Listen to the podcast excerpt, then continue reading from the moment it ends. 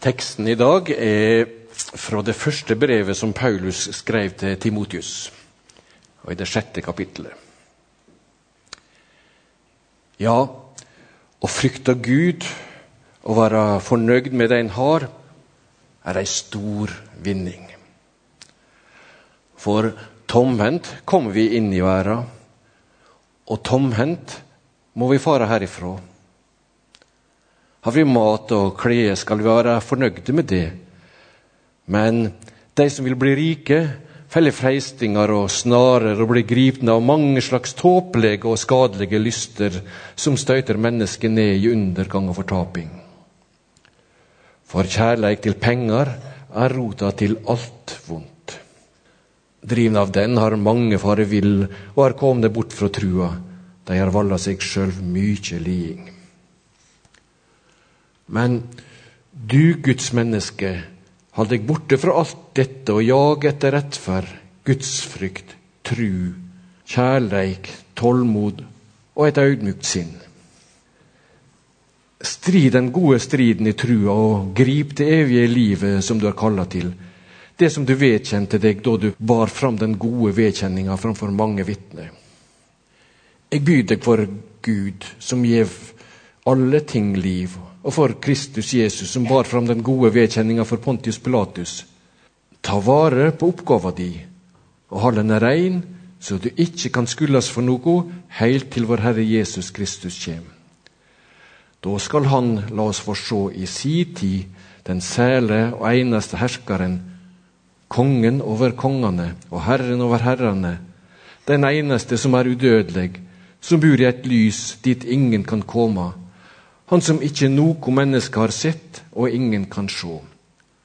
Han bare ære og evig makt. Amen. By de som er rike i denne verden, at de ikke må være håmodige og sette sitt håp til den usikre rikdommen, men til Gud. Han gir oss rikelig av alt, så vi kan nyte av det. De skal gjøre godt, være rike på gode gjerninger, gi med raus hand og villig dele med andre.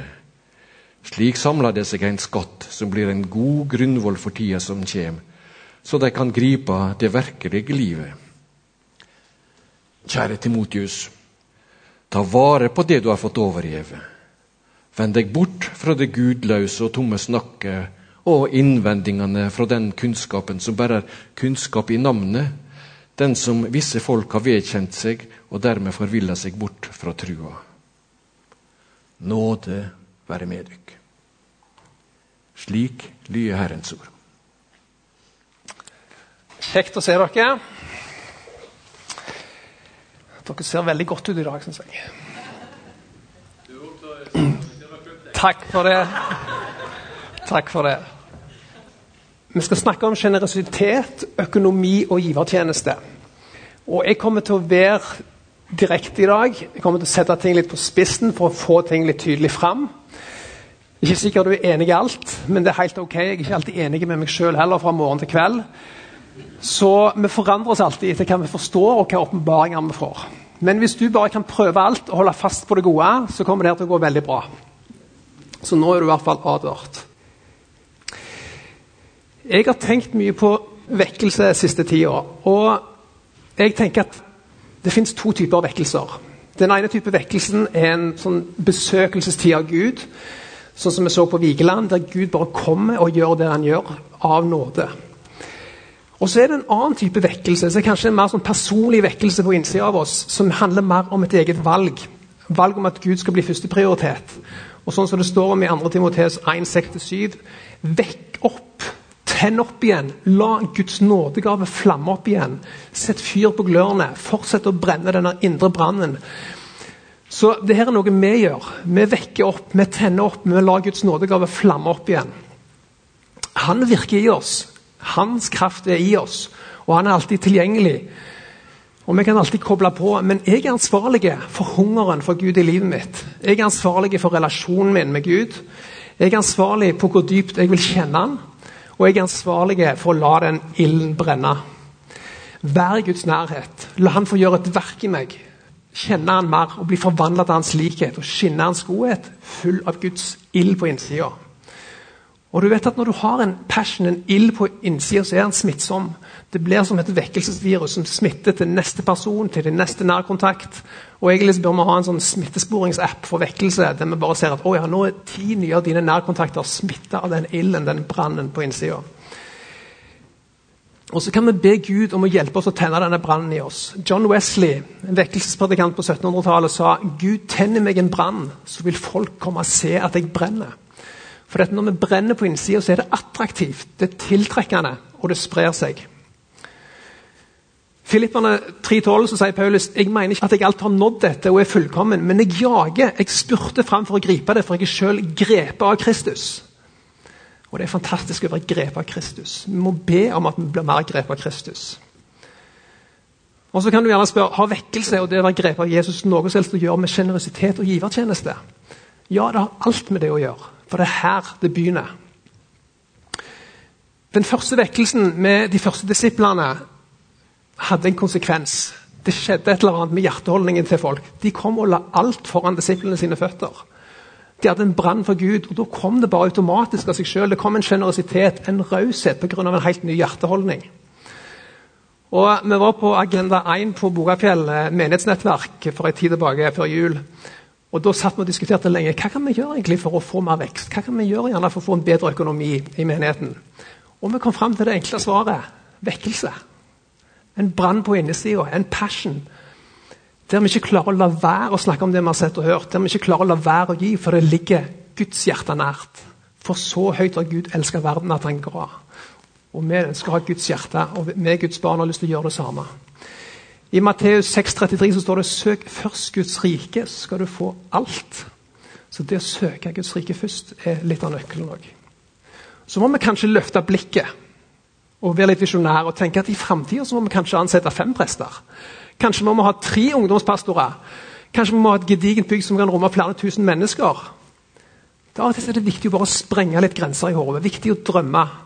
Hva om bare 10% av Sandnes befolkning blir frelst i 2024? Hvordan skal vi følge opp det her?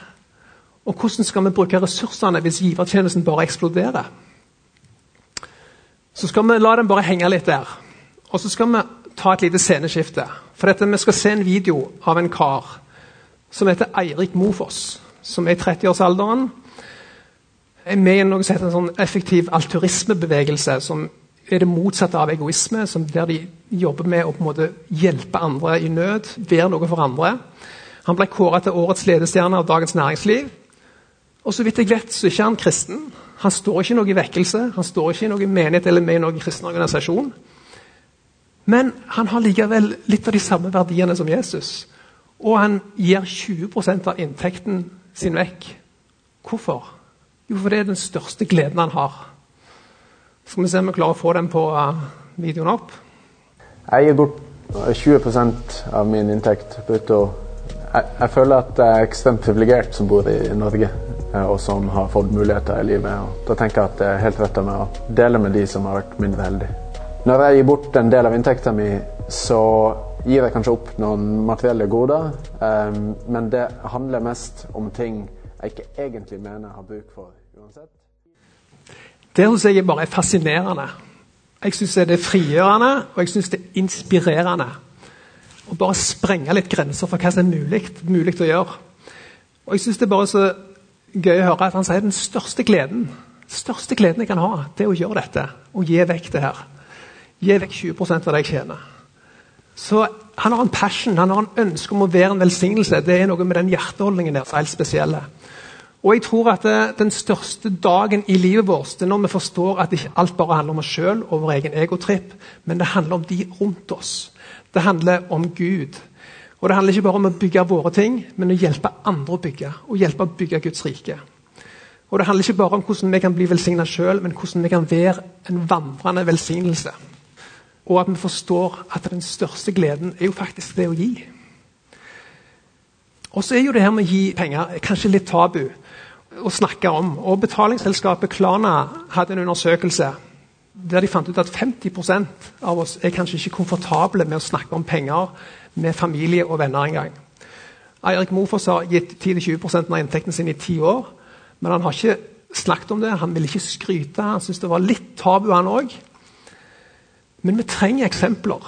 Vi trenger forbilder, vi trenger noen å strekke oss etter. Så jeg syns det er veldig bra at han deler det her. Det er viktig å snakke om det. Men det er klart når det er vanskelig å snakke om penger til vanlig, så er det kanskje enda mer utfordrende å snakke om det i kirka. Men det snakkes likevel mye om penger i Bibelen. Og der er det ikke prøvd å legge skjul på. Og Kanskje er det fordi det er en så stor del av livet vårt. Det handler tross alt om at eh, vi går på skole for å få oss en jobb, for å kunne tjene penger, for å kunne kjøpe et hus, for å kunne kjøpe en bil, for å kunne ha mat. Og Det er jo bare sånn livet vårt er. Penger er en stor del av livet vårt. Og egentlig er det jo sånn at Kontoutskriften vår forteller oss nok egentlig hva vi prioriterer, og hva som er viktig for oss. 16 av 38 lignelser i Bibelen handler om penger. Eiendeler, eiendom og forvaltning. Så Jesus snakket mye om dette, og derfor trenger vi å snakke litt om det. Og Når det gjelder penger, så skal det snakkes med respekt ut fra hvem vi er, hva vi har. Men Jesus var likevel ikke redd for å utfordre. Hvis dere husker den historien med den rike mannen som kom til Jesus rike unge mann, Han var egenrettferdig. Han mente han holdt, hadde holdt alle lover og regler. Og jeg syns bare Jesus' sin respons er så fin. Det står at Jesus får ham kjær. Han sa liksom ikke 'din idiot, du har alt er feil'. Nei, han fikk han kjær. Han elsker han. Og så sier Jesus en ting til ham. Selg alt du eier. Gi alt det du har til de fattige. Ikke 10% ikke 20 Gi alt. Og så skal du få en skatt i himmelen, og komme så og følg meg. Så Jesus han bare sprenger grenser. Han setter det på spissen, han trykker på den rette knappen. Han avslører bindingen hans til penger. Han avslører hjerteholdningen til denne mannen. Jeg tror det å gi er så viktig, for det tar bort stoltheten som sier at vi sjøl er årsaken til vår rikdom i Norge, og at vi heller fokuserer på Gud som vår forsørger. I ordspråkene 10.22 står det at 'Herrens velsignelse gjør rik, eget strev legger ikke noe til'. Og I ordspråkene 3.5 så står det 'Stol på Herren av hele ditt hjerte'. Det er Herren vi skal stole på, ikke vår egen forstand, ikke på pengene. Og Så leste vi litt her med 1. Timoteus 6.10. Er penger roten til alt ondt? Nei, det er ikke det, men det er kjærlighet penger som er roten til alt ondt. En feil binding til penger som er roten til alt ondt. Og I Matteus 6,24 står det at ingen kan tjene to herrer, for han vil enten hate den ene og elske den andre, eller holde seg til den ene og forakte den andre. Dere kan ikke tjene både Gud og mammon, altså penger. Og Er det ikke interessant at penger har potensial til å bli herre og mester og sjef i livet? Og Penger kan være en ganske tøff sjef, eller kanskje en tøff slavedriver, som får oss til å stå tidlig opp om morgenen, ta på oss aftershave eller parfyme, stresse på jobb, og jobber gjerne enda mer og kanskje litt overtid for å samle enda litt mer penger. Og kanskje kan noen av oss ende opp til med å lyve litt for penger, bli uvenner pga. penger, tråkke på folk pga. penger, gå til rettssaker pga. penger. Og så blir på en måte penger en slags avgudsdyrkelse. Som vi gjerne ikke snakker så mye om, for det hørte liksom Gammeltestamentet til. Men gjerne så er moderne avgudsdyrkelse en binding, usunn binding til mammon eller penger. Og det med feil binding til penger handler dypest sett at vi stoler mer på penger enn vi stoler på Gud. At vi ikke har tillit til at Gud skal ta vare på oss, men pengene. Og Eneste måten vi kan bevise på at vi stoler på Gud, at vi har tillit til ham, at han er vår forsørger, at vi klarer å gi vekk det potensialet til å bli herre, som vi setter vår tillit til. Tillit er veldig avgjørende. Hvem har vi tillit til? Hva er vår sikkerhet? I podkasten til Vidar Bakke på Bymenighetens hjemmeside så sier Per Eivind Kvammen det å gi er den beste vaksinen mot avgudsdyrkelse og materialisme. Og kanskje er det òg den beste vaksinen mot at pengene blir sjef i livet vårt. Men det å gi setter oss fri fra feil herre. For vi kan ikke tjene to herrer. Vi må velge, vi må ta et valg. Vi vil tjene Gud og si penger, du skal ikke bli min herre. Derfor så vil jeg gi så blir det egentlig ikke feil om du har mye penger eller lite penger, så lenge hjerteholdningen er å være en giver. Jesus trakk fram den fattige enka som ga alt du hadde av takknemlighet. Hun hadde en fantastisk hjerteholdning. Abraham var rik og hadde også en fantastisk hjerteholdning, der han ville gi tiden før noen hadde snakket om at det fantes noe slikt i hele tatt. Må gi tiende. Det var en kamerat av meg som spurte det spørsmålet rett etter at han hadde blitt kristen. Og vet Du hva? Du må ingenting. Du er like velsigna, du er like frelst, du er like elska uansett om du gir 10% eller ikke. Men når vi ser hva Gud har gjort for oss, når vi får en passion, en brann i hjertet, når vi blir grepet av Kristus, når vi kjenner på en vekkelse, så klarer vi ikke å la være å fortelle om det vi har sett og hørt. Vi klarer ikke å la være å være sjenerøse og gi, for det er Guds hjerte. Og Da må vi kanskje heller bremses. Da blir kanskje 10% for lite. Og når vi gir penger, så beviser vi hvem vi har tillit til. At vi har tillit til Gud og ikke pengene. Så er du ikke under forbannelsen, som det står i Malaki i Gammeltestamentet, om du ikke gir tiden. For Jesus har kjøpt oss fri fra lovens forbannelse. Derimot står det i 2. Korintene 9 at vi skal gi, ikke med ulyst, ikke motvillig, ikke med tvang. Og I den engelske bibelen står det til og med ikke for å dekke et behov, men med glede. Det vi har satt oss fore, bestemt oss for i vårt hjerte. Så det er en ny motivasjon i Nytestamentet for å gi. Når vi gir av glede, vi gir det vi har bestemt oss for i hjertet, med kjærlighet, ikke i tvang og ikke med frykt. Hvis du likevel gir med ulyst, motvillig eller tvang, eller bare for å dekke et behov, så vil jo de som får pengene, bli velsigna. Men hvis du gir av tvang, så blir du kanskje ikke sjøl velsigna av den handlingen. Men det vil også si at hvis du gir med den rette hjerteholdningen og kjærlighet, så vil det gagne deg. Du vil vinne på det. Ikke bare en velsignelse til de som får pengene dine, du blir sjøl velsigna. Så kanskje må vi be om å få en rett hjerteholdning. Og kanskje har vi i kristen sammenheng frarøvet hverandre velsignelsen, friheten og forløsningen med å gi. Ikke ha mer fokus og ikke snakke mer om det her. Vidar Bakke og Per Eivind Kvammen snakker i Spires podkast, som ligger på hjemmesiden til Bymenigheten. Veldig spennende og bra om økonomi og givertjeneste som en åndelig disiplin. Det nevnes korsmålt økonomi. Og de sier hva betyr det for vår økonomi at Jesus er på førsteplass. Anbefales å høre på. Så det her er du kanskje ikke helt enig i, men givertjeneste bør ikke bare handle om å dekke et behov. Jeg ser ikke så mange plasser i Bibelen at givertjeneste handler om å dekke opp et behov for dårlig økonomi. Det står derimot sånn som har sagt, at det, du skal ikke gi av ulyst, motvilje av tvang, eller faktisk dekke et behov, som det står i den engelske bibelen. Det skaper egentlig ikke et engasjement, heller kanskje mer en negativ spiral. Det blir i hvert fall feil å bare snakke om økonomi i Kirken når den er dårlig. Vi må snakke om det jevnlig, hele veien. Og så kan vi selvfølgelig mobilisere av og til når det er et behov. det er ikke det jeg sier, Men i stedet for å ha fokus på å dekke et behov, så må vi kanskje snakke om muligheter. Vi må kanskje snakke om visjoner, kanskje om drømmer. Sette en kurs. Dette skal vi gjøre. Og tenk, se for deg, drøm litt sammen med meg, hvis alle bare ga sjenerøst. Hva slags samlinger vi kunne ha på søndag. Hva slags barnearbeid vi kunne ha. Hva slags ungdomsarbeid vi kunne ha hva for et misjonsprosjekt vi kunne ha. Hvordan vi kunne plante nye menigheter. Hvordan vi kunne være med på å utrydde fattigdom. Og så har jeg en interessant tanke, syns jeg sjøl. Dersom det ikke var behov for penger i kirka, hadde det fremdeles vært noe poeng med givertjeneste. Dersom det ikke var behov for penger, hadde det fremdeles vært noe poeng med givertjeneste. Og jeg tenker ja, for å bevise at vi stoler på Gud og ikke på penger. At Gud skal være sjef i livet og ikke pengene. Og nummer to så sier Paulus jeg er ikke ute etter gaven. Jeg er ikke ute etter at vi skal dekke et behov. Jeg er ute etter frukten som skal komme dere til gode. Så her handler det om åndelige prinsipper, at vi høster det vi sår.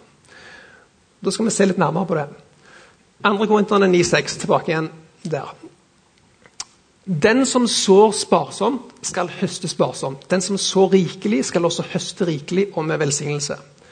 Enhver skal gi det han har bestemt seg for i sitt hjerte. Ikke et bestemt tall. 10% 20% 100% Ikke med ulyst eller tvang eller ut fra et behov, men det han har bestemt seg for i sitt hjerte. For Gud elsker en glad giver. Og Jeg må bare ta akkurat det verset der. Gud elsker en glad giver på engelsk. God loves he takes pleasure in, he prizes above other things. He is unwilling to abandon and do without a cheerful, joyous, prompt to do it giver whose heart is in his giving. Gud elsker en glad giver. Jeg har lufta litt det med å gi med folk rundt meg som ikke er kristne. Og jeg synes det er en interessant respons eh, når du snakker om å gi. For det, Mange sier ja, men du får det jo tilbake. Jeg har snakket med bedriftsledere som sier at det, som ikke er kristne, men som bare har forstått den her positive bivirkningen med å gi. Vi får tilbake. Det skjer noe. Det, det setter oss fri. Det forløser et eller annet. Og I Lukas 6, 38 så står det Gi, så skal det bli gitt dere. Et godt mål, stappet, ristet, overfylt, skal bli gitt dere i fanget. For med det samme mål som dere har målt med, skal det måles igjen til dere. Og I ordspråkene 11.24 står det Den som sjenerøst sprer og strør ut, får enda mer. Den andre holder tilbake mer enn det som rett er, og det blir likevel bare fattigdom. Den som sprer velsignelse, skal trives, og den som vanner rikelig andre, blir selv forfrisket. Det var en sambanditt, dvs. Si en som går i sambandet, som sa det på følgende måte Det er så mye velsignelser å gi at en kunne bli fristet til å spekulere i det. Men fokuset er ikke å gi for å bli velsigna, eller gi for å få. Gud er ikke som en automat som vi putter penger på, og så catching, der kommer det penger tilbake. Vi gir ut av sjenerøsitet, vi gir ut av glede, fordi han har gjort alt for oss. For det Guds hjerte er å gi. For det er hans barn, og for vi er så høyt elska. Og så høyt elska at han ga. Og så er det likevel knytta løfter til det å gi. Det står at vi høster det vi sår. Og når vi høster, så gjør det at vi har mer å gi. At vi kan ha overflod til all god gjerning.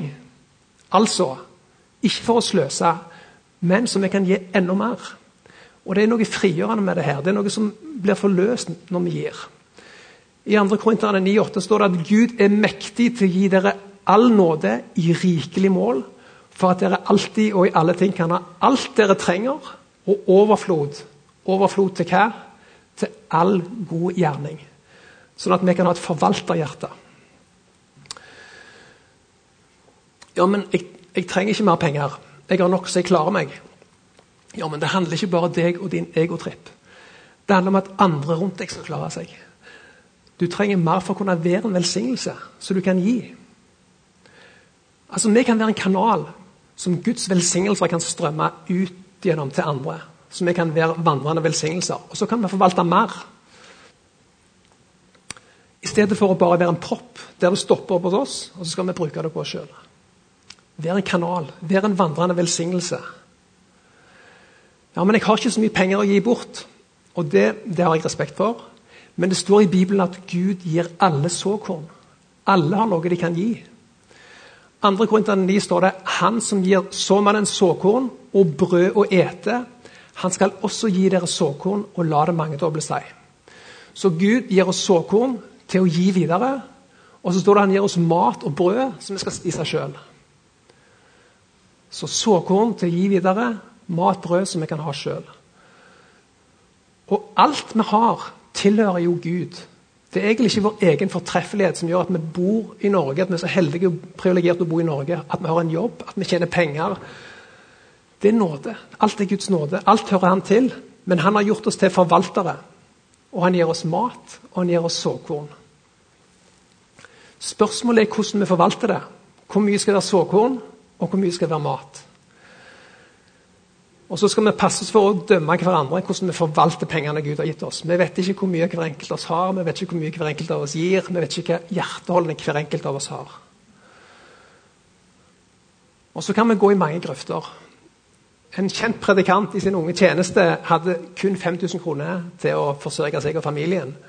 Men han hadde bare fått for seg at han skulle gi, så han bare gikk ut på gata tok med seg alle pengene og så bare delte han ut alle han traff. Og nå sier han 'Hvor dum kan du bli?' For han ga bort både såkornet og maten sin. Så her er det noe med at vi må bruke litt visdom òg.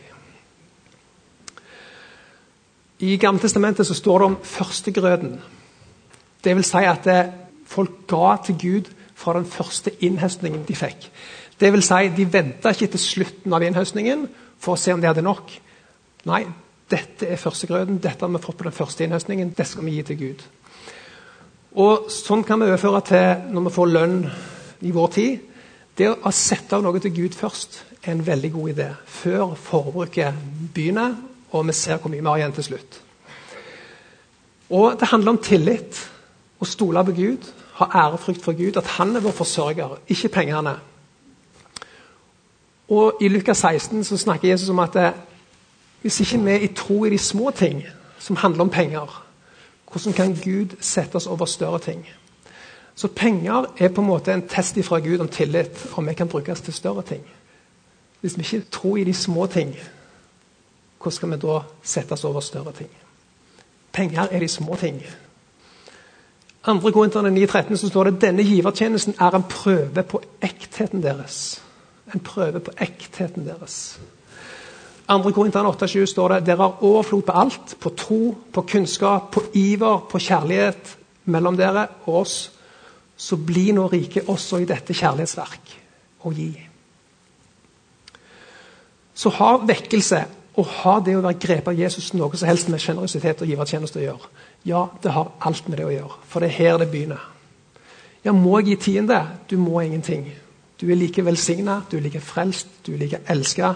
Men når vi ser hva Gud har gjort for oss, når vi får en passion, en brann i hjertet, når vi er grepet av Jesus, når vi kjenner på en vekkelse, så klarer vi ikke å la være å være sjenerøse og gi. Og når vi gir, så beviser vi at vi har tillit til Gud og ikke pengene. Og så kan Gud gi oss mer såkorn, sånn at vi kan gi enda mer og sette oss over større ting. I 2. Timoteus 1, 6-7 så står det 'vekk opp'. Tenn opp igjen. La Guds nådegave flamme opp igjen. Sett fyr på glørne. Fortsett å brenne denne indre brannen. Han virker oss. Hans kraft i oss. Vi kan koble oss på han når som helst. Men jeg er ansvarlig for hungeren i livet mitt. Jeg er ansvarlig for relasjonen min med Gud. Jeg er ansvarlig for hvor dypt jeg vil kjenne han. Jeg er ansvarlig for å la den ilden brenne. Og være Guds nærhet. La han gjøre et verk i meg. Kjenne han mer. Bli forvandla til hans likhet. Skinne hans godhet. Full av Guds ild. Full av sjenerøsitet og giverglede. Amen.